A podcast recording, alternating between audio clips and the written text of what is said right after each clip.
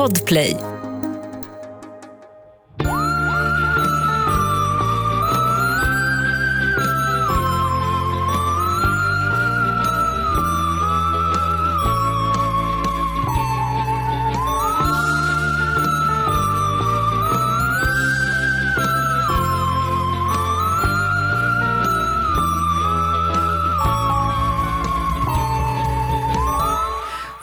Okej, Anna Sandell. Nu när vi säger hej och välkomna till ännu en vecka av Mord mot mord, då gör vi det med bara en och en halv vecka kvar till mors dag. Samt även vår livepodd Jag i skulle Göteborg. precis säga det. Vad är det viktigaste?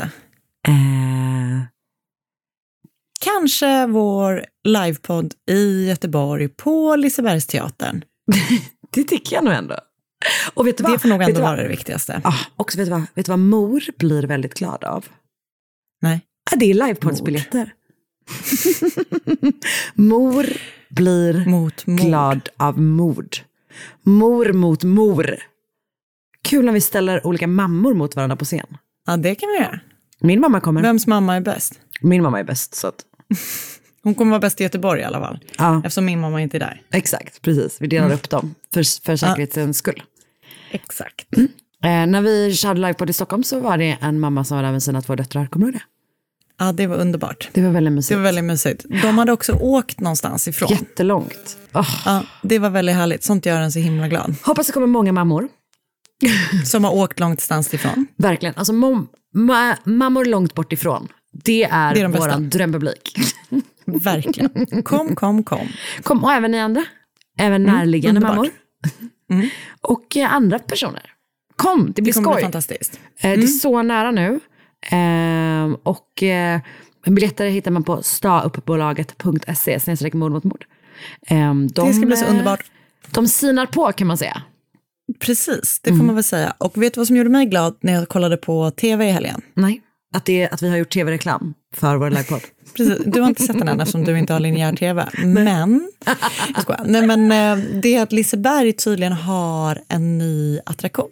ah, Okej. Vad var det för någon? Jag kommer inte ihåg vad den hette, men den Perfekt. verkade spännande. Bra, väldigt bra reklam. Vi tv-reklam kommer vara bättre än den här. Säg inte det. Säg inte det, det är verkligen, verkligen sant. Eh, ja men kul, det ser verkligen fram emot. det ska bli. Eh, Så vi ses där, alla mammor, alla ni andra, alla ni eh, speed freaks som också vill åka. Eh, och eh, er andra goa bli- personer. Nice. Det kommer bli riktigt nice. Du, hur mår, hur mår du då? Jag mår bra. Alltså, det måste jag verkligen säga ändå, tycker jag. Ehm, Du låter alltid så förvånad när du säger så. Nej men eh, jag mår bra. Jag tänkte idag så slogs jag verkligen, så jag längtar så mycket efter eh, vår helg i Göteborg.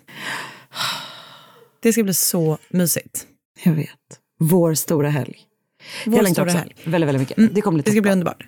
Hur mår du? Du är ute på fält i den här veckan också. Nej, men, jag börjar känna mig som en galen människa. Varför är jag alltid ute i fält? Eh, Men den här du gången- vill vara där det händer. det, och det får man ge mig, att det vill jag. Nej, men Jag är ju i Amsterdam. Och eh, jag är ju här, eh, det har jag inte varit innan eh, när jag varit ute i fält, men nu är jag ju faktiskt här på jobbresa.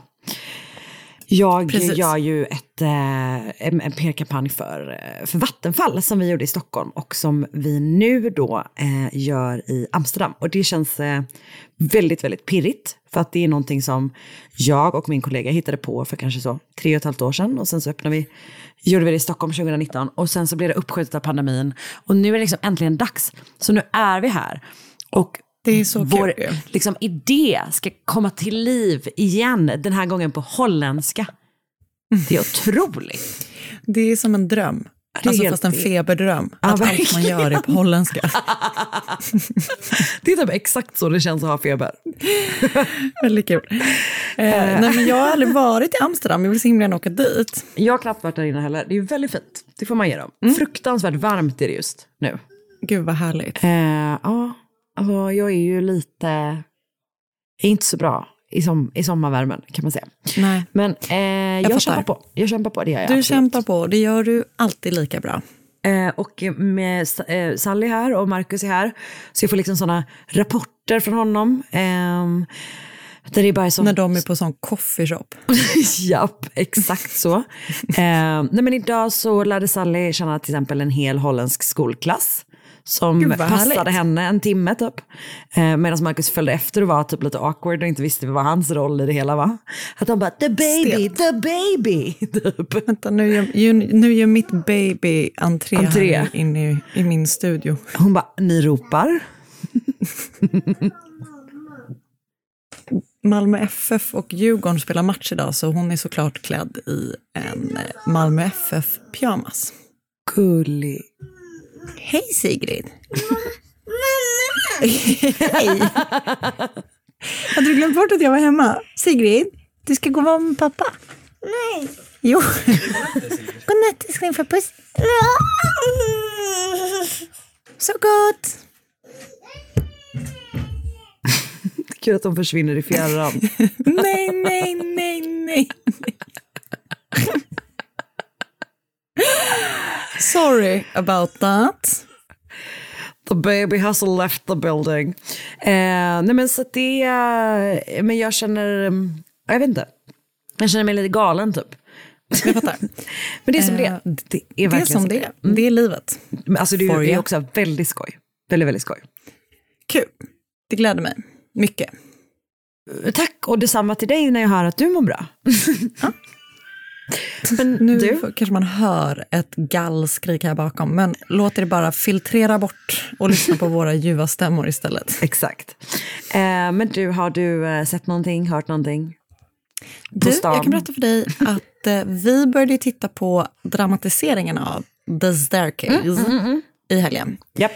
Och alltså, även om man har sett dokumentären så blir man ju helt liksom, Ja. chockad hela tiden. Jag vet. Man blir Det verkligen är det. ju helt bisarrt. Vad känner du för den här Colin Firth-situationen som jag pratade om? Nej, men jag och Oskar pratade faktiskt om det, för innan vi började titta så återberättade jag för Oskar att jag bara, det är faktiskt så att Karin sa att för att man gillar Colin Firth så mycket så, så tycker man liksom inte att han är så störig som man tycker i dokumentären. Ja. Men, och det sa jag då innan vi, ingen, någon av oss hade sett den. Men vi tyckte nog att han var pretty damn störig även i Colin Firth. Men rollen. inte lika som i dokumentären. Nej, det går ju inte. Det för går ju Colin. Firth är ju ändå, Väldigt även om han liksom är ful här så är han ju ändå nice på något vis. Okej, så du vill säga att du... Han är mitt frikort. Okej, okej. Kul! Jag vet inte, jag hittar på det nu, men han skulle kunna vara. Det känns, som att du har, det känns som att du har flera på något sätt. Jag har typ aldrig ens reflekterat över det. För, men eh, om Det jag ska välja ju- någon då så kan alltså, väl han vara en av dem i alla fall. Jag måste säga att hela frikortssystemet är en sinnessjuk, ett sinnessjukt påhitt. Absolut, Som jag vänder mig emot i allmänhet, förutom då när det kommer till att du eh, tydligen ska ligga med Colin Firth. För det Men alltså det är väl att det måste vara ett frikort som man aldrig kan liksom ens hamna i liksom situation att det skulle hända någonting med. Ja men då tycker jag att det är ännu konstigt, då kan man väl lika gärna, då kan man väl lika gärna vara tyst. Jo men det, Eller? det hade väl varit ännu konstigare än bara, nej men det är faktiskt så att eh, han som har restaurangen här på hörnan, han är mitt frikort. Så hemskt. så man lurkade omkring där nere och hoppades att man skulle liksom stöta in i varandra. Så hemskt. Det är bara en öppen relation. Det är verkligen att ha en öppen relation Eller? och vänta på en öppning. Mm. I don't know. Men den är i alla fall väldigt bra. Ja, Och är det är ju väldigt obehagligt när de filmatiserar liksom den här trappscenen. Ja. Ja, ja, nej, fruktansvärt. Vad bra att du, men kul att ni ändå gillar den. För att vi, Ja, jag, det jag gör tycker vi. också det var toppen. Ehm, men du, Men du, en snabb fråga bara om den. Ja. Är det bara fyra avsnitt eller kommer det en i veckan? när det kommer en i veckan. Ja, det var det vi trodde också. Men jag det vet inte hur många det är. efter sista. Men det, det kom en den här veckan i alla fall, för vi såg tre och sen så kom en. Och de kommer typ på en fredag eller något annat idiot. Alltså det var så sent in i veckan. För vi var inne och Okej. kollade varje dag om det hade kommit och det hade det aldrig. Så att det var liksom på helgen typ. Ah, Okej, för vi, såg, vi har sett fyra avsnitt då i helgen. Ja. Mm. Gud, ändå härligt. Okej, men du, ska vi sätta igång eller? Ja, men det gör vi tycker jag. Ett poddtips från Podplay. I fallen jag aldrig glömmer djupdyker Hasse Aro i arbetet bakom några av Sveriges mest uppseendeväckande brottsutredningar. Går vi in med hemlig telefonavlyssning och, och då upplever vi att vi får en total förändring av hans beteende. Vad är det som händer nu? Vem är det som läcker? Och så säger han att jag är kriminell, jag har varit kriminell i hela mitt liv men att mörda ett barn, där går min gräns. Nya säsongen av Fallen jag aldrig glömmer på Podplay.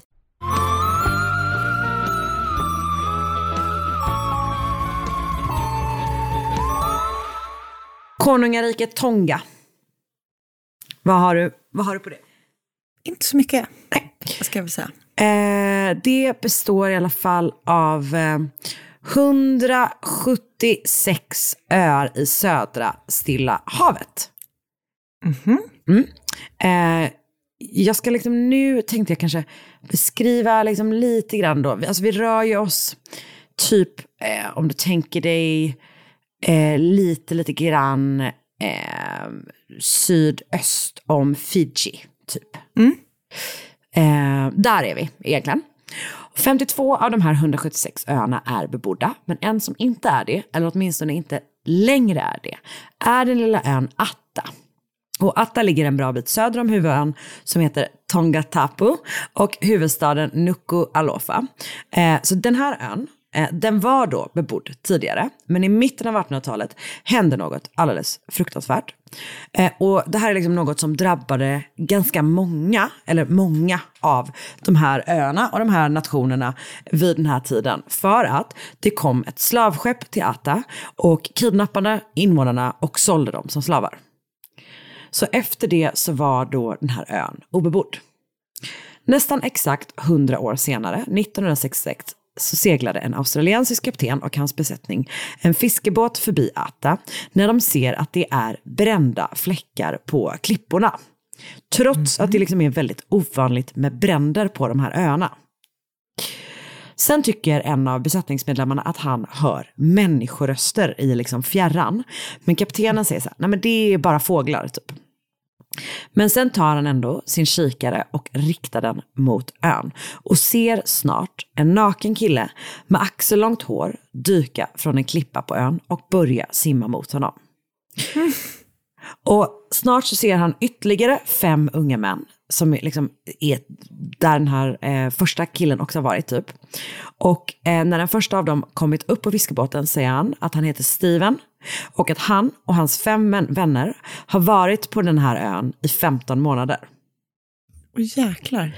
Och när kap kaptenen då tar kontakt med hamnen i Nuku'alofa och berättar att han har hittat sex killar så får han en efter en stund ett svar.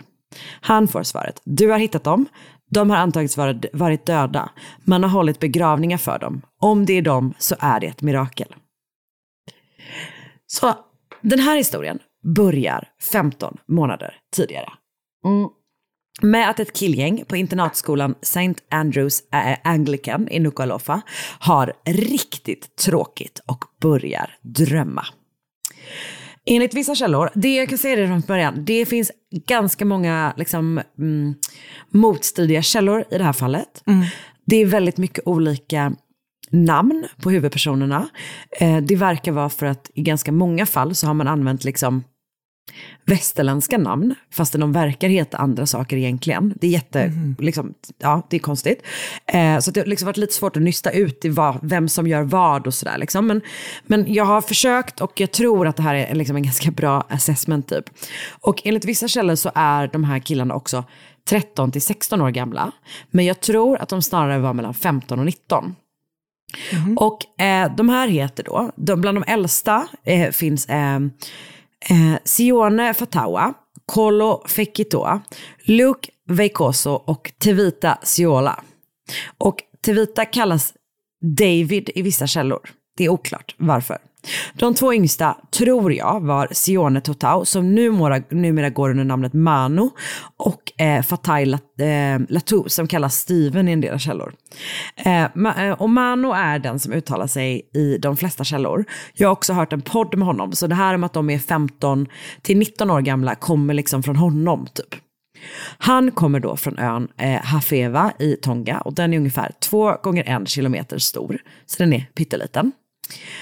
Och han beskriver typ hur det var när han började lära sig geografi, och han började lära sig historia och såg typ först bara hur stort Fiji kändes liksom. Och sen såg han hur stort Nya Zeeland kändes och hur stort Australien var typ. Och han började liksom drömma om att se världen och typ lämna den här lilla ön och den här lilla liksom ö, eh, nationen där han kom ifrån typ. Så en dag så frågade en av hans kompisar honom om han inte ville hänga med till Fiji, Fiji och Mano sa ja. Mm. Så snart hade de satt ihop sitt gäng och man började då smida planer för hur resan dit skulle gå till. Planen var att stjäla en fiskebåt från en fiskare som de inte tyckte om. Vilket tycker jag tycker Ändå att det är en toppen början. Mm. Typ. Så de bestämmer sig för att de ska segla de drygt 80 milen, inte sjömil då, utan vanliga mil. Jag vet inte, jag har ingen aning om hur lång en sjömil är. Så att jag, jag tog bara... Säga det, är 80 mil 80 sjömil längre eller kortare? Ingen aning. Ingen aning. Längre, gissar Tänker inte kolla upp. Ja, om du säger längre, då säger jag också det. Jag gissar det. Det är min eh, kvalificerade gissning. Mycket bra. Så en kväll 1964 packade de mat och vatten nu ska vi se om det är när, det kan 1964 eller 1965, så packar de mat och vatten och tar sig till hamnen där den här båten ligger. Men innan de hunnit ge sig iväg så blir de stoppade av några familjemedlemmar som har hört om planen. Så att de, de liksom, det avbröts. Men veckan efter försökte de igen. Och den här gången hade de med sig ännu mindre packning för att typ väcka mindre uppståndelse. Och, den, och det funkade. Så eh, fiskaren lämnade båten runt typ 6-7 på kvällen och snart hoppade killarna i och la ut och äventyret kunde börja. Som jag förstått det. Var det var väldigt tyst oj, men jag sa ah, oj. oj. Som jag förstått det så var det Fatai, alltså, som jag tror då är yngst, som var den som var bäst på att segla. Det verkar som att hans pappa hade typ en likadan båt som den som de hade stulit då, så han hade liksom erfarenhet. Så de, det var inga problem för dem att komma iväg, liksom, utan snart så seglade de iväg. Liksom.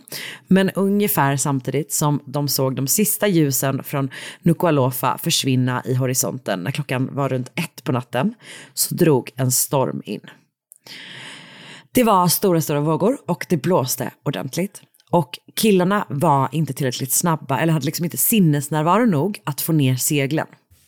Mm. Så de trasades sönder. Och efter det så kunde de ju bara driva med vågorna typ. Och du vet, det är liksom jättehöga vågor. Och till en början är det mitt i natten. Eh, alltså det är så fruktansvärt läskigt. I åtta dagar driver de med båten. Och du vet, under en period så tillbringar Mano typ flera timmar i, i vattnet. För att mm. det är så mycket vågor så att när han är liksom längst upp så är båten längst ner typ. Så att det tar jätte, jättelång tid innan de får upp honom. Och de har ju knappt med sig någon mat, de har typ inte med sig något vatten. Och snart börjar liksom vattnet då ta slut och det lilla regn som kommer räcker liksom inte till. Så att de försöker samla regnvatten i typ så olika behållare och sånt de har med sig. Typ. Men det räcker till en klunk på morgonen och en klunk på kvällen. Åh fy fan. Men det är liksom, du vet, de blir bara törstigare och törstigare. Och därför försöker då Sione koka upp havsvatten. Det finns någon slags kokplatta typ i båten. Så han försöker liksom koka vatten eh, för att liksom få bort saltet typ på någon vänster. Eller, jag vet inte, det är i alla fall vad han gör. Han försöker koka vatten. Mm. Och eh, men det är fortsatt liksom höga vågor. Så just när han har typ fått upp vattnet till kokpunkten så kränger båten och han spiller ut hela kastrullen över sina ben. Aj. Och får liksom rejäla, rejäla brännskador typ hela vägen ner till knäna. Usch. Så de är nu då på en båt på ett helt jävla öppet hav. De har liksom knappt något vatten, de har ingen mat. Eh, en av dem har svåra brännskador och de kan liksom inte göra någonting. Alltså de kan inte styra båten, de kan inte kontakta någon, de kan inte liksom hjälpa sin kompis typ. Så allt de kan göra är att liksom driva runt med den här segelbåten och försöka överleva. Och till slut på kvällen, den åttonde dagen, får de då syn på en ö. Och det, är liksom, det här är inte alls som en sån hägringsö du vet. Att det liksom är så... Eh, en palm. Nej, eller typ en sandstränder. För att mm. det här är liksom en, eh, Atta är en, liksom, en gammal vulkan. Det är klippor mm typ mer eller mindre rakt upp. Liksom. Så man bestämmer sig då för att Mano ska försöka ta sig i land först och han ska liksom kolla läget innan de andra följer efter. Och de har ju liksom som sagt inte ätit på typ åtta dagar de har knappt druckit, alltså de är så jävla svaga liksom. Men han lyckas typ dra sig in genom typ klipporna och upp på land. Och han är liksom så svag att typ, det är som att hela ön snurrar typ. Men han lägger sig på marken och typ lyckas samla sina sista krafter och ropa till sina kompisar att han är okej okay och att han är i land typ. Så de följer efter honom och snart har de liksom lyckats ta sig i land och de har till och med lyckats hjälpa Sione in. Och när de väl har kommit, kommit i land allihopa så typ håller de varandra i händerna och ber och gråter. Och sen somnar de och sover till soluppgången och då börjar de så sakta utforska sitt nya hem. Mm. Det finns fåglar på ön och killarna får tag på ägg. De har ju ingen, eh, eh ingen eld. Eh, så det de gör är att de liksom knäcker ägg och typ dricker. Oh, fy. Och du vet, även för att typ släcka törsten liksom. Och mm. de är så fruktansvärt svaga typ, så att det tar liksom tid. De måste bara få den lättaste näringen hela tiden, så att det tar tid mm. att liksom bygga upp och typ börja orka fiska. Eller typ, så de börjar, efter ett tag så kan de fiska typ, och så kan de äta rå fisk och typ, de kan äta rå ska, råa skaldjur typ. De hittar palmer med koksnötter på en strand och så att de bygger upp sitt läger där då liksom. Och typ, de får ju också hela tiden flytta Sione typ, hjälpa honom mm. liksom för att ta sig, ta sig till nya ställen typ. Eh, och de typ bygger något liksom, eh, liten hydda där han kan typ sitta för att han, och, och liksom läka helt enkelt. Mm. Och sen så börjar de liksom ta sig uppåt på ön, ön och vid något tillfälle så hittar de liksom uppblött typ trä. Alltså en gammal träbit typ. Som de liksom kan bryta ut och typ, vet, liksom suger typ vatten ur. För att de är så jävla törstiga liksom. Mm. Och de här, alltså det här är ju inte som att typ du och jag hade, de här är de är, uppenbarligen super typ kapabla och typ mm. helt jävla otroliga människor liksom. Mm. Um, han, Mano säger i den här podden typ att någon eller några av dem hade lärt sig av sina mor eller farföräldrar typ att man kunde använda ihåliga träd för att samla regnvatten. Mm. Så att de använder dem liksom som, um, ja, men som stuprännor typ. Så när det väl börjar regna så kan de börja samla på sig vatten att dricka typ genom att de liksom bygger med ihåliga träd på något sätt. Typ. Um, och, så de håller liksom på och jobbar väldigt medvetet ändå för överlevnad men också för att typ bygga upp någon slags um, ja, men ändå något slags liv eller vad man ska säga. Så att varje dag så försöker de göra eld men mm. de är liksom för svaga för att orka typ. I tre månader försöker de varje dag innan de till slut lyckas få igång en eld. Alltså att, den vet, känslan. Ja, jag vet. Jag vet, det är helt sjukt. Att de liksom så gnuggar två bitar mot varandra mm. typ. Och eh, då kan de liksom äta sin första tillagade måltid på tre månader. Och Shit. den elden som de får igång då kommer de att hålla igång i ett helt år, alltså tills de blir räddade. Åh oh, gud. Den slocknar aldrig liksom. Det är därför man har eldvakt. Ja, och det har de då förstås. Um, så efter att de har gjort det så börjar de bygga ett ordentligt läger med typ en hydda med liksom sovplatser runt elden. Uh, så att de börjar liksom bo in sig mer och mer. Men vid ett tillfälle så trillar, jag tror att det är Fatai, på en klippa och bryter benet. Och de lyckas liksom spjäla hans ben. På ett sätt som gör att det till slut läker helt och fullt. Alltså när de kommer i land igen, till slut blir räddade, så är det typ att läkare är helt du vet, chockade över att så här, det har läkt jättebra. Liksom. Mm, Men han är ju liksom, han behöver, då har de ju en till person som de behöver liksom, ta hand om och typ värna om. Och, och, och, och han kan ju liksom inte, han kan ju vakta elden uppenbarligen, men han kan ju inte liksom jaga eller typ fiska eller, eller samla ved eller whatever. Liksom. Eh, vid ett tillfälle så klättrar de hela vägen upp på ön och inser då att liksom, det är en krater, en gammal, gammal krater, som sagt, det är en gammal vulkanö. Eh, och i den här kratern så växer inte bara bananer och papaya. Mm. Där finns också höns. Och jäklar. För, kommer det visa sig, det, alltså de som bodde där hundra år tidigare innan de blev kidnappade, de hade höns. Och deras hönor har liksom fortsatt föröka sig i hundra års tid och bara klarat sig på egen hand. Typ. Så det är fullkomligt liksom, myllrar av höns? Alltså, de har, de har mycket hönor liksom. Så att, eh, de kan liksom, de, det är liksom en massa vilda slash tama höns som bor där typ. Så att nu, det är ju uppenbarligen toppen liksom. Det hjälper ju dem hur mycket som helst.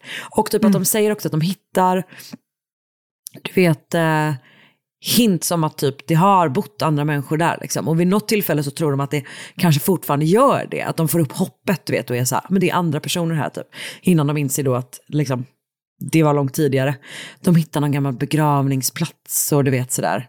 Eh, men det är lite grann som att eh, ja, men de ser spåren liksom, och, och, typ det hjälper dem att överleva också. Typ. Mm. Så att de börjar liksom dela upp sitt i lag om två och två och de delar liksom upp arbetsuppgifterna. Så varje dag ska de typ ta hand om sina odlingar som de har börjat med. De ska ta hand om hönsen, de ska fiska och så måste elden alltid hållas vid liv. Och så måste ju alltid då det vara en utkik efter liksom, förbipasserande båtar. Och varje kväll så ber och sjunger de och Kolo bygger till och med en gitarr, eller liksom typ som en ukulele med fyra strängar. Och han spelar Coolt. så att de kan sjunga tillsammans. Så det är verkligen som att de har ett fungerande litet samhällsbygge. Typ. De håller ihop. Alltså det känns viktigt tror jag, typ för att man ska så, keep sanity. Ah. Att ha alltså, uppgift, tror du ah. inte det? Verkligen det, och också typ det här umgänget, typ. att de ändå liksom hänger med varandra och mm. det måste vara eh, på något sätt, jag kan vara liksom avundsjuk, om, om jag, om jag hade blivit eh, skeppsbruten mm. eh, så hade jag känt mig avundsjuk på folk som eh, är religiösa. Ja. Förstår du vad jag menar? Att man har det som, jag förstår absolut vad du menar. Ja men för delvis ger det typ någon slags purpose men också någon slags tröst typ och tro mm. om att det kommer lösa sig liksom. Själv hade man ju varit såhär, lagt sig ner och gråtit. Typ. Gud, ja. uh, sådär. Nej men uh, de är också typ såhär, ibland så är det klart att vissa blir ovänner, så är det ju liksom. Mm. Men då har de typ ett time-out system där man så går ifrån varandra typ några timmar och sen så träffas man igen och så pratar man igenom det och ber om ursäkt typ. Det är också så här, det här är liksom 19-åriga, 15-åriga, mm. 90-19-åriga killar typ som bara uh, det här jämförs ju typ, jätten här historien då har jämförts jättemycket med typ när du vet, Flugornas herre. Mm. Och typ att det här är eh, exakt tvärtom. Mm. Verkligen. Att de liksom bara håller ihop typ och mm. står upp för varandra typ. Så att de har liksom det här lilla systemet och tiden bara går. Som sagt, alltså typ det går ett halvår. Det är också så jävla lång tid. Mm. Det går ett helt år. Det går 15 månader innan de då till slut får syn på den där fiskebåten och simmar ut. Och eh, den här kaptenen på den här båten, han heter Peter Warner, han var australiensare och son till en superrik snubbe som heter Arthur och som gjort sin förmögenhet på radiomarknaden, står det. Jag vet inte vad det innebär. Eh, men det har han gjort i alla fall. Och Peter ville jobba som sjökapten och han var också typ ute och seglade under många år när han var ung. Tydligen tog han sin kaptenslicens i Sverige. Men hans pappa tyckte då inte typ att det här var en tillräckligt bra karriär typ. Så han var så här, du ska in i familjeföretaget och så är det med det typ. Så han får typ gå av sjön och stanna hemma och utbilda sig till revisor. Så mm. han jobbar för sin pappa, men lite på fritiden så har han också en fiskeflotta i Tasmanien. Mm. så uh, speciellt fritidsintresse. Intresse. Mm. Det är skillnad typ på det, du vet så när Oskar ska spela golf typ. Att han bara, den här snubben bara, jag måste bara fiska lite till Tasmanien typ, jag kommer om, jag vet inte hur lång tid det tar, Några men veckor. det känns långt, exakt, precis. Eh, men så han har då den här fiskeflottan och eh, han är då ofta där och typ passar på att segla lite själv också förstås. Han ville gärna fiska i Tonga men han fick avslag från kungen där. Men 1966 så var han typ ändå där omkring med sin båt och det är för att han typ är på väg hem och typ tar en omväg. Eller något sånt. Det är oklart. Okay. Men han ser då de här killarna, Sione, Manu, Kolo, Luke, Tivita och Fatai, på den här ön. Och det som har hänt är att de, dagen innan så har de fått syn på ett annat fartyg. På ett, typ mm -hmm. ett mhm. kryssningsfartyg. Och för att väcka uppmärksamhet så har de tänt eldar på ön. Nej. Men det här fartyget har aldrig sett dem liksom. Vilket är typ bland det värsta man kan tänka sig. Mm. Just den här du vet, scenen i filmen när de får syna help, help och sen så flyger mm. flygplanet vidare. Så. Var inte det så i Lost? Säkert 8000 gånger eller? Men men det är då liksom fläckarna, de brända fläckarna från, det, den, eh, från de eldarna som den här kaptenen ser på Ata när han då eh, seglar förbi. Okay. Så han tar då, eh, får du syn på de här, som sagt, liksom anropar in till, eh, eh till huvudön. Och de är så här, ja ah, okej, okay, de har varit borta i 15 månader, alla tror att de var döda, så det har gjorts, haft begravningar typ. Och eh, så han tar med sig dem hem till Nukualofa eh, och där mottas han som hjälte. Mm. Han får till slut rätt att fiska i Tonga. Yes. För killarna däremot så blev det inte samma varma mottagande, utan de slängdes i fängelse. Nej, för, för de, de hade, hade stulit ju... båten? Ja. Nej. Fiskaren... Kunde man och... inte avskriva det? Jag måste säga så här, den här fiskaren, jag förstår varför de inte gillar honom. För att han är liksom, alltså, he's verkligen. pressing charges. Det är han som liksom, alltså, är det... så, ah, men nu är de här så nu får vi ta dem typ. det är ändå riktigt, riktigt uh, rain on the parade. Verkligen. Men den här Peter Warner då, han har en plan som kommer att hjälpa killarna. Han bestämmer sig för att ta kontakt med australiensiska Channel 7 och sälja de australiensiska rättigheterna till de här eh, killarnas historia. Mm -hmm. I utbyte mot att de betalade fiskaren så att de kunde släppas ur fängelse. Mm. Så att de gör det. Alltså de släpps till slut eh, och då är det typ så här, du vet de har typ tre dagars festligheter. Någon gång med typ, du vet, med familjerna, med ön, alltså sådär, med landet typ. Så då blir det liksom ett, stor, ett stort firande typ. Men det som är konstigt med det här är ju att den här random snubben typ eh, tycker att han då inte bara har rätt, rätten till, utan också rätten att sälja. Mm eh, de här, liksom, det liksom kommer en random vit man typ seglande över haven och säljer sex liksom icke-vita killars och unga mäns livshistoria. Mm. Eh, och även om så här, ja det var ju jättebra att de kom ur fängelse, så är det ändå, Kanske ja, det känns det ju lite sådär typ. Mm. Och jag vet inte hur mycket pengar han fick, men eh, någon, man producerar i alla fall en dokumentär där killarna typ åker tillbaka till Atta och typ visar hur de bodde och hur det gick till när de typ åt rå fisk och sånt. Så det mm. finns liksom massor av bilder där de eh, reenaktar typ eh, hur det var. Och det är ju liksom de är lite, de, är lite speciella. Liksom. Alltså det är så tydligt att man har stageat olika sådana bilder, du vet där de är sådana vildar med stora liksom, mm. air quotes på liksom ett extremt så exotifierande sätt. Alltså det är liksom... Jag fattar. Det känns weird alltihopa liksom. Och dessutom beskrivs så här, liksom framstår det i eh, hur hur det beskrivs. Det beskrivs som att Peter Warner tar med sig killarna och gör dem till besättningsmän på en av hans fiskebåtar. Mm -hmm. Och det det är så, här, så att de ska få se världen, säger man typ. Men det är också mest bara som att de jobbar som fiskare åt honom. Typ. Att det, mm det, det är mycket konstigt som händer. Men genom, den här år, genom åren så faller historien om de här skeppsbrutna på Ata i glömska. Och det verkar som att den här dokumentären typ aldrig sänds, eller åtminstone inte får någon större uppmärksamhet. Jag vet att Mano flyttar till Australien och bosätter sig i Brisbane och han bor då i närheten av Peter Warner och de är liksom fortsatt goda vänner typ. Det finns liksom artiklar om när de har varit så kompisar i 50 år typ. Um, och vad som händer med Kolo och Fatai vet jag faktiskt inte. Som jag förstår det så verkar det som att de har gått bort nu i alla fall. Men eh, Sione och Luke, de är fortfarande nära vänner och flyttade till USA tillsammans och nu bor de i Oakland. Och för två år sedan så fick världen plötsligt upp ögonen för den här historien när det kom en bok som hette Humankind, A Hopeful History skriven av Rutger Breman. Och han använder då den här historien som ett exempel på att människan är god. Typ då som en motsats till Flygornas herre-storyn liksom. Mm. Och ett utdrag ur den här boken publicerades av The Guardian och fick liksom helt absurt stort genomslag. Och den här boken, eller åtminstone det här utdraget ur det, har liksom kritiserats en hel del. Eftersom den typ helt fokuserar på då den här vita kaptenen typ, som kommer att rädda dem på ön. Snarare än liksom det här gänget som faktiskt upplevde det. Och typ deras röst och deras historia typ.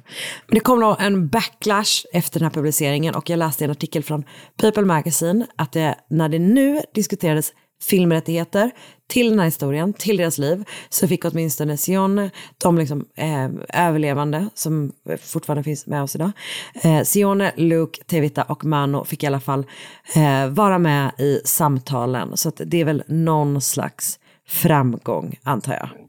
Mm. Jag lyssnar på podden Extremes på Spotify, avsnitt 5, säsong 3, Shipwrecked on an Island, som då är en intervju med Mano Totau. Och det finns också utdrag ur den podden på Vice, eh, Vice som jag har läst med. Och sen har jag läst här utdraget ur Rutger Bremans bok på Guardian, som också publicerades i en, de publicerade också typ en intervju med Mano efteråt. Eh, jag har läst en artikel på The Spinoff som typ kritiserar den här boken med rubriken The Real Tongan Boys of Atta Were Not eh, The Real Lord of the Flies, skriven av Meleika eh, Gesa. Och sen så har jag då läst den här People-intervjun med Siona som jag nämnde tidigare, skriven av Sandra eh, Subirai Westfall och Diane Earps. Och sen så har jag också läst på Wikipedia. Så det var historien Gud. om de skeppsbrutna på Atta. Vad sjukt. Hur sjukt? Det är Alltså- typ min största skräck. Jag som är så rädd för att åka båt med. Och jag som knappt kan simma. Vi får aldrig, vi borde aldrig åka båt tillsammans, okej? Nej, faktiskt. Eh, nej men gud vad obehagligt. Det är helt otroligt att de återfanns och att de klarade sig så, eller ett, att de överlevde så länge som de gjorde på det sättet och två, att sen att någon bara ah, åkte förbi. Men jag läste typ i den här artikeln att det liksom är så här, eh, att eh, den här som just handlar om varför typ de överlevde och hur de liksom inte är Lord of the Flies typ, eh, är för att de bara så här, men det är typ, de tog hand om varandra. För att det typ är det man gör. Det är det vi gör liksom. Eh, vi ser till att det inte bara typ jag som har det bra. Liksom. Eh, nej, jag vet. Och det här att folk de blev skadade och typ då tog de hand om sina, alltså, ah, jag vet inte. Det var, det är också så starkt. Du vet, tänk när de ser den här båten och han bara simmar ut mot den. Uff. Ja, gud. Ja. Ja, det var det. Stark historia. Tack för Eller det, hur? Karin. Tack ska du ha.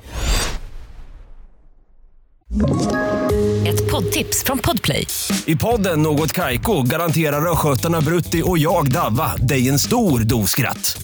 Där följer jag pladask för köttätandet igen. Man är lite som en jävla vampyr. Man har fått lite blodsmak och då måste man ha mer.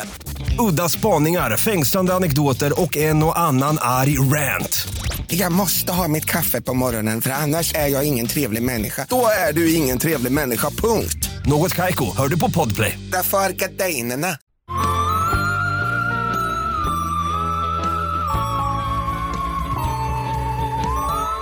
Seb Quinn var född 1981 och uppväxt i Asheville, North Carolina i USA. Han hade en stora syster som han var väldigt nära, eh, en mamma som arbetade som sjuksköterska på ett sjukhus och en pappa som han inte hade särskilt mycket kontakt med eftersom föräldrarna var skilda från att han var liten.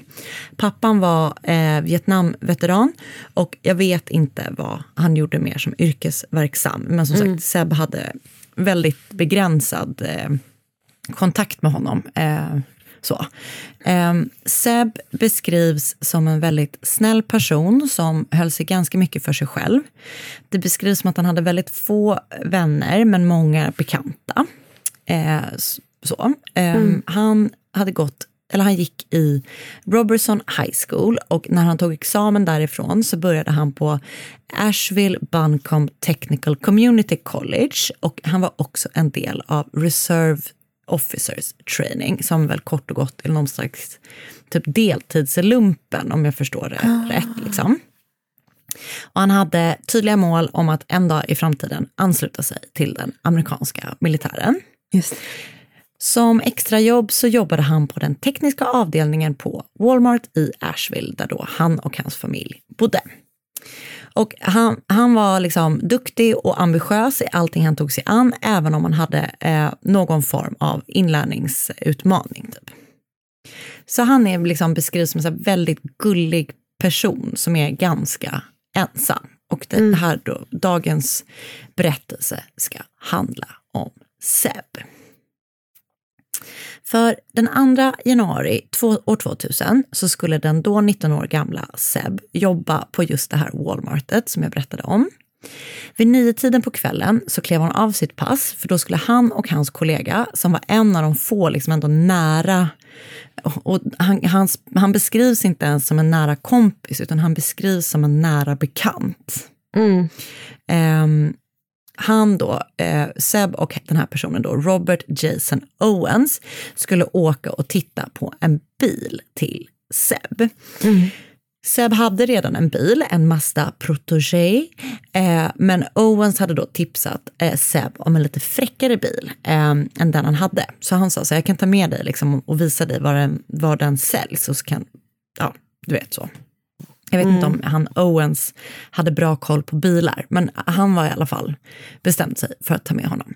Och bilen fanns då på en bilhandel en bit bort från Asheville. Och eftersom det var på kvällen så var bilhandeln inte öppen, men de kunde liksom ändå åka dit och titta på dem, så, eller titta på den, så att han kunde liksom få en känsla av vad det var för bil. Jag tror att det var någon slags eh, jag kommer inte ihåg, jag tror att det var en Toyota, någon typ av Toyota. Mm. Eh, och sen så skulle han då kunna sova på saken eller tänka på saken och sen skulle de kunna åka tillbaka när det var öppet. Typ. Så när de har slutat sina pass på Walmart så hoppar Seb in i sin Mazda Protégé och Owens hoppar in i sin bil. Och så kör de iväg. Och ganska kort efter att de har lämnat Walmart så syns både Seb och Owens, jag har valt hans efternamn eftersom han benämns som två förnamn så känner jag mig osäker på om han heter. vilket det, han heter. Mm. Japp. Eh, De syns i alla fall på en bensinmacks eh, övervakningskameror.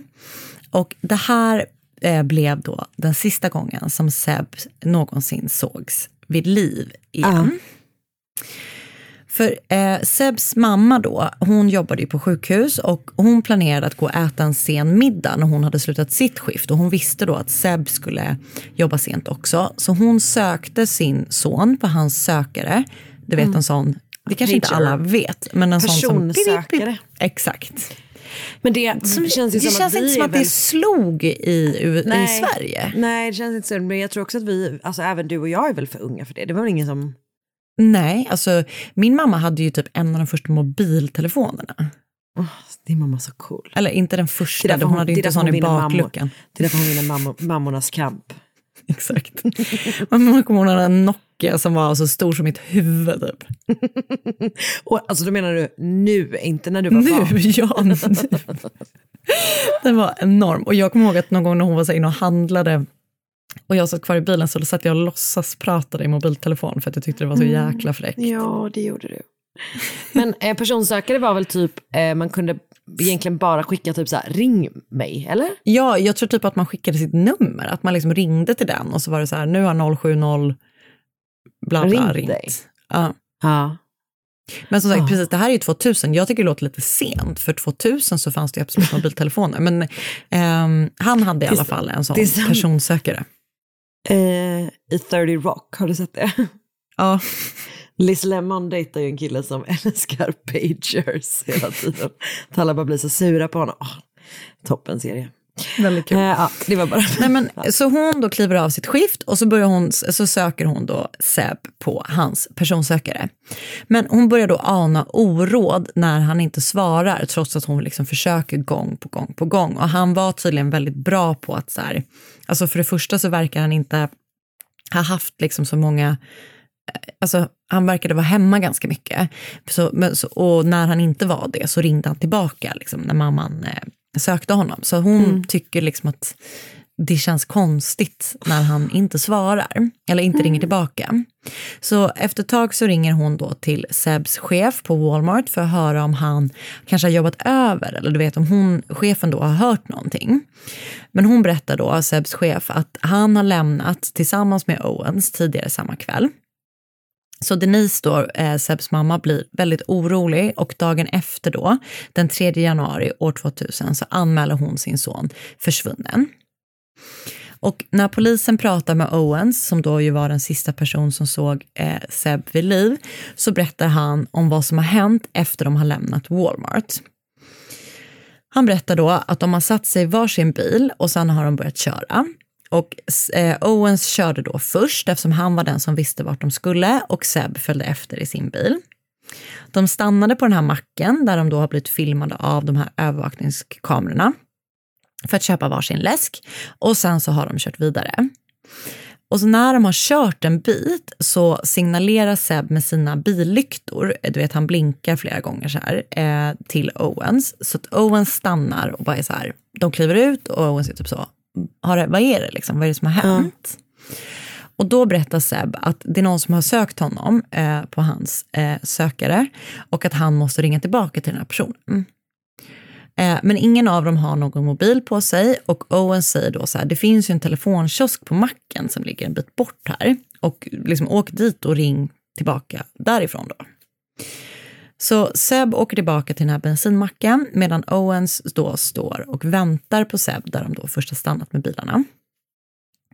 Efter ett tag så kommer Seb tillbaka och då är han liksom väldigt uppjagad och säger att han måste åka tillbaka och att de får kolla på den här bilen någon annan dag.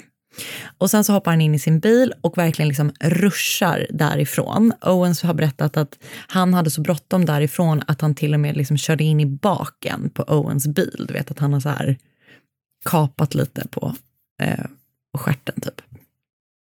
Och sen... Är det bilspråk eller? Det lät väldigt, eh, inits, liksom, det lät väldigt invigt i bilvärlden, ja, eller hur? Ja, verkligen. Kapat lite på stjärten.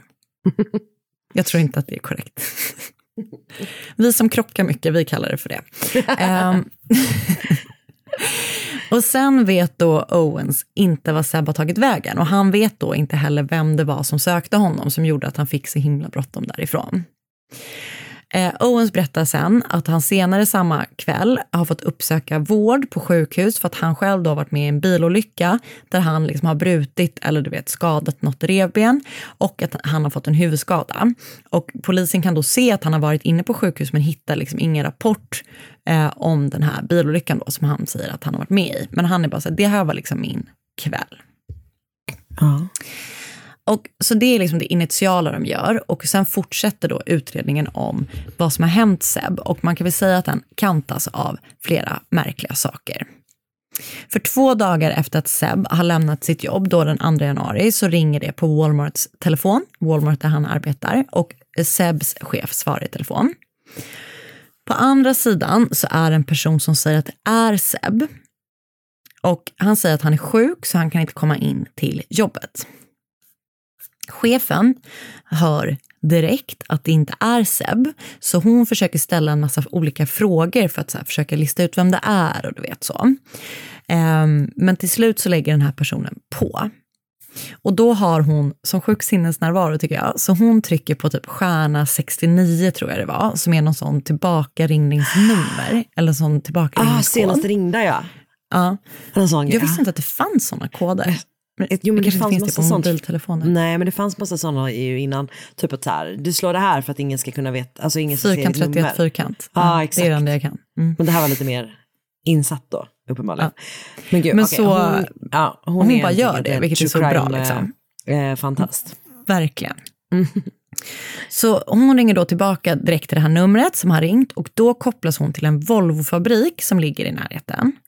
Och eh, det visar sig då att en person som arbetar på den här fabriken är just Owens, alltså Sebs kollega, tillika hennes då andra anställda. Och polisen då frågar honom, så här, är det du som har ringt det här samtalet och låtsas vara Seb? Det låter ju jättekonstigt. Liksom. Så säger han så här, jo men det var jag, men det var bara för att han, Seb har bett mig om att ringa och säga precis det här. Och varför han gjorde det det vet inte eh, Owens då, för det har Seb inte sagt till honom, utan han har liksom bara vet, ställt upp och gjort det för att hans kompis bad honom om det. Typ. Ah. Eh, polisen tycker liksom att Owens är skum, men han säger att han inte vet någonting och att han inte har någonting med Sebs försvinnande att göra. Och det finns inte heller några bevis då som knyter honom till Sebs försvinnande. Så polisen har liksom ingenting att gå på mer än att det här var skitskumt. Liksom och han var den sista personen som såg honom i livet. Mm. Men det finns inga bevis, det finns inga vittnen, det finns liksom ingenting mer än det här, ja, de två sakerna.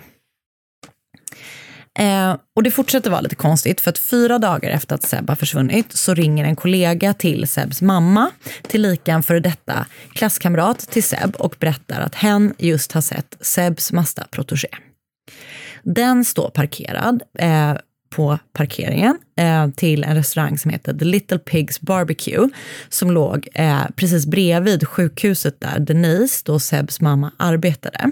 Uh. Bilen har parkerats ganska synligt och har lyktorna på. Och när polisen kommer till platsen så eh, kan de se då att någon har ritat på bakluckans fönster med läppstift. Och det är alltså ritat en stor pussmun och ett utropstecken i rött läppstift. Så det är liksom ganska så här, ser konstigt ut liksom. Uh.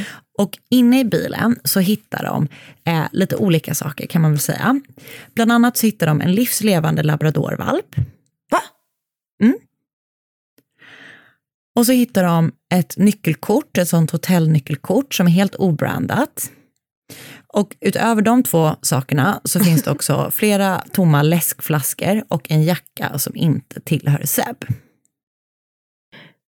Den här hunden är jättekonstig och, och man vet inte alls hur den har hamnat där. Och man vet inte vem som äger den eller någonting. Men den adopteras sen av en av poliserna i, som utredde Sebs fall. Mm, det är ändå mysigt.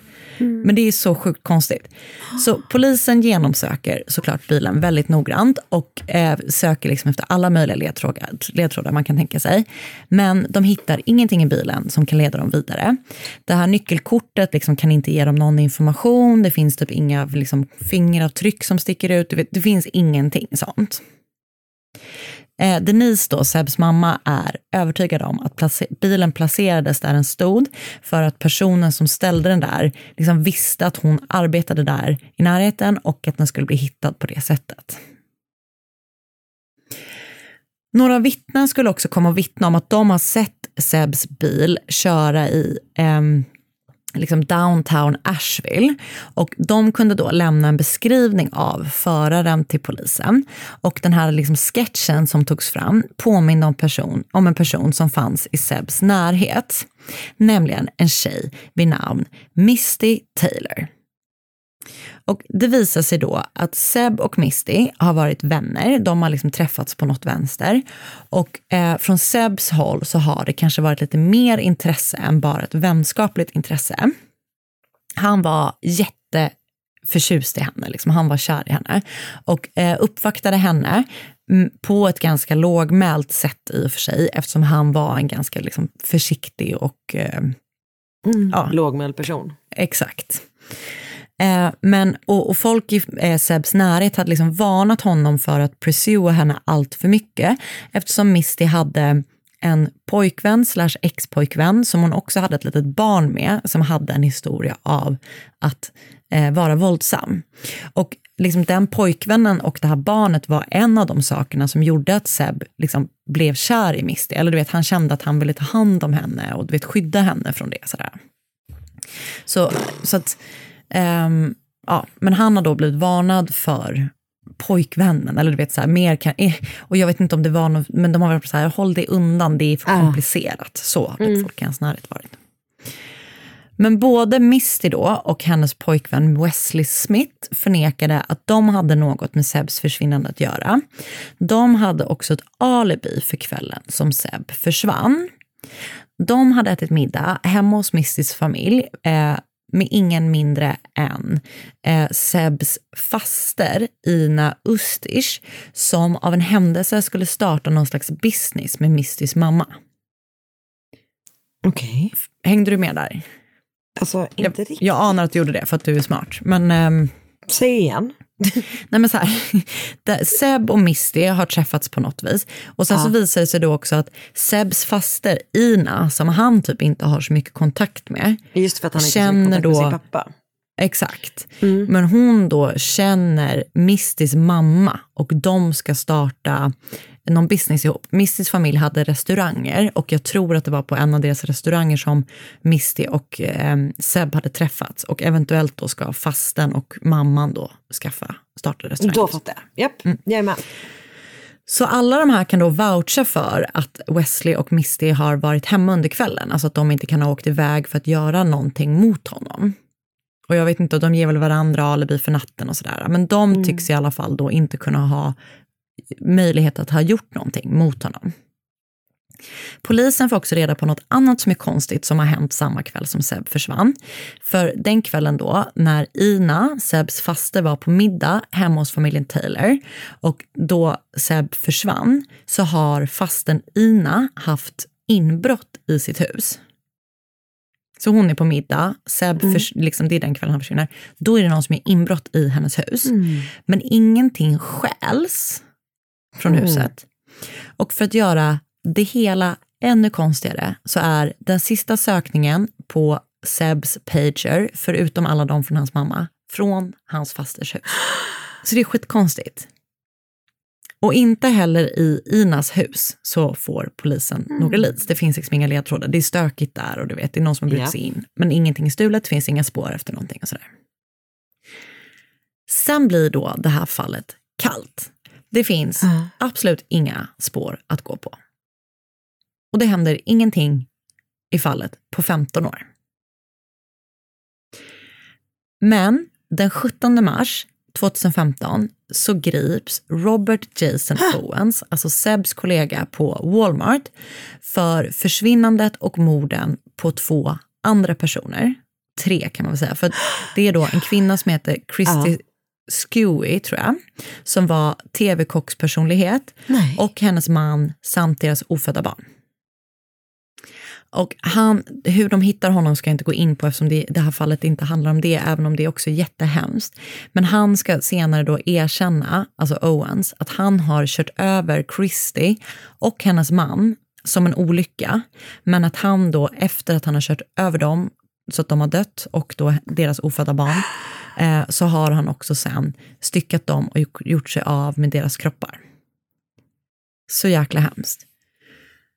Så han grips för det och fälls för det. Han tar en plea deal som gör att han döms då till 60 till 75 år i fängelse. I samband eh, med eh, det gripandet så passar poliserna på, poliserna som, forts, liksom, som har Sebs försvinnande på sitt bord så att säga. De passar på att liksom haka på det, att de får en eh, search warrant till eh, Owens fastighet. Och där hittar de då lite olika saker. Och det som de hittar då är fabric, leather materials and unknown hard fragments plus lite andra saker. Under, och de sakerna hittar de under en cementerad yta på hans mark. Utöver det så hittar de också white powder substance och metallbitar och ett gäng plastpåsar som innehöll olika misstänksamma saker. Polisen kommenterar liksom inte hur, på exakt vad det är de har hittat, om det är Sebs kvarlever och sånt. Men två år senare så tycker de sig ändå ha nog för att åtala Owens för mordet på Seb. Och det är oklart om han har ersatt någonting. Eh, jag, jag hittar ingenting om det och han väntar fortfarande på sin rättegång. Eh, eller det är det senaste jag kan hitta från december, 31 december 2021. På grund av då pandemin så har han, rättegången mot honom i fallet, liksom, eller i om Sebs, mordet på Seb Quinn då, eh, inte kunnat genomföras tidigare. Så han verkar fortfarande liksom sitta och vänta på att det ska upp i rätten. Ah. Så det är liksom försvinnandet av Seb Quinn som då troligtvis har liksom börjat närma sig någon slags lösning. Men som, det som, de har fortfarande inte hittat någonting som jag förstår, liksom som alltså, de har inte hittat hans kropp i alla fall. Nej. Så, så tror jag att man kan säga. Men det kommer bli ganska intressant under rättegången helt enkelt när det kommer ut vad de har. Liksom. Ja, alltså verkligen.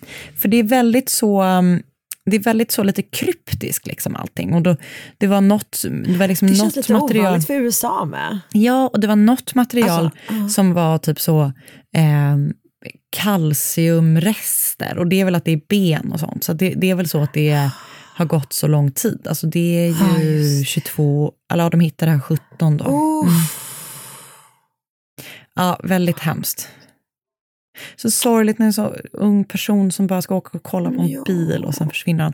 Och man vet inte heller då riktigt vad motivet skulle vara för Nej. Owens att mörda honom. Om det då är liksom planerat, att det är därför han har tagit med honom för att titta på den här bilen. Om de har börjat bråka, alltså man har ingen aning. Nej. Aj jävlar. Mm. Stackars hans mamma. Ja, jag vet, så jäkla hemskt. Och hans syster och usch. Det är väldigt hemskt. Ja, det var fruktansvärt. Men också väldigt intressant. Och gud vad man hoppas att det blir en Att det rättegång. löser sig. Det får lite rättvisa. Jag håller verkligen med. Uff, gud. Jag håller verkligen med. Så jag har sett Disappeared, Just a Nice Guy på Discovery+. Plus. Jag har läst uh, The Disturbing Disappearance of 18-year-old Seb Quinn and a series of bizarre clues left behind på All That's Interesting, skriven av Marco Margaritov. Jag har lyssnat på Generation Y och det avsnittet heter Seb Quinn. Och så har jag läst Seb Quinn Murder, Where is Robert Owens Now på The Cinemaholic av Kritri Merotra och eh, flera olika Wikipedia-sidor såklart. Tack snälla du. Tack själv Karin. Och tack även till er som har lyssnat. Och nu ses vi i Göteborg va, nästa vecka. Ja, Vad sjukt. Nej, Alltså, nej, det är en emellan. en emellan. Om två veckor ses vi i Göteborg. Vi hörs som vanligt nästa vecka Mm. och sen ses vi i Göteborg. Mysigt. Okej, puss puss. Bra, Hej då. Poddtips från Podplay. I podden Något Kaiko garanterar östgötarna Brutti och jag, Davva, dig en stor dos skratt. Där följer jag pladask för köttätandet igen. Man är lite som en jävla vampyr. Man har fått lite blodsmak och då måste man ha mer. Udda spaningar, fängslande anekdoter och en och annan arg rant. Jag måste ha mitt kaffe på morgonen för annars är jag ingen trevlig människa. Då är du ingen trevlig människa, punkt. Något Kaiko, hör du på Podplay. Därför är gardinerna.